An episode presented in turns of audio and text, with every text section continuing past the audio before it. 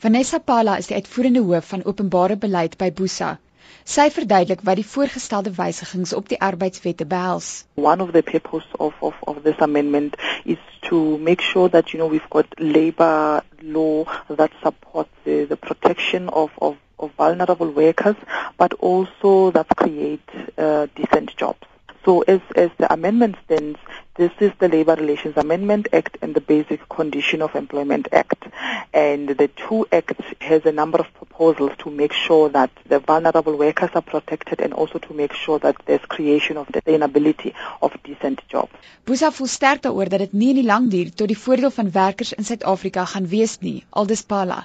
Is not in a position to support the amendments because we don't think that they support the intended objective. For an example, there is an, an amendment that calls for equal pay for work of, of equal nature. Broadly speaking, equal treatment of all categories of employees.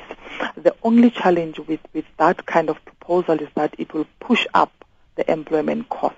If you employ somebody on part-time or on contract, after six months, then that person has to be treated equally with permanent workers.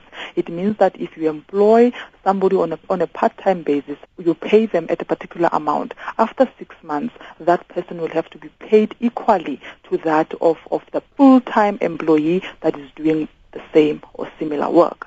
Now, the problem with that is it will push up the wage bill. It will encourage employers to contract employees for 6 months or less. Busa gaan die saak verder voer en hoop dat hulle die wysigings kan teestaan voordat dit as nuwe wetgewing tot stand kom. As Busa, you know, we've been persistently calling for a regulatory impact assessment to be done before the bills are tabled in cabinet. And now, because there are new amendments that came as a result of the negotiations at NEDLAC, and those new amendments were not subjected to the prior or to the previous regulatory impact assessment. So as business, what we are saying is we need to then conduct a comprehensive regulatory impact assessment on all the amendments. At least after that, you will be satisfied that indeed the proposals as contained in the bills will achieve the intended objective. It will be Busa's uh, position to have these bills not enforced in their current form because we believe that they go against the job creation vision of government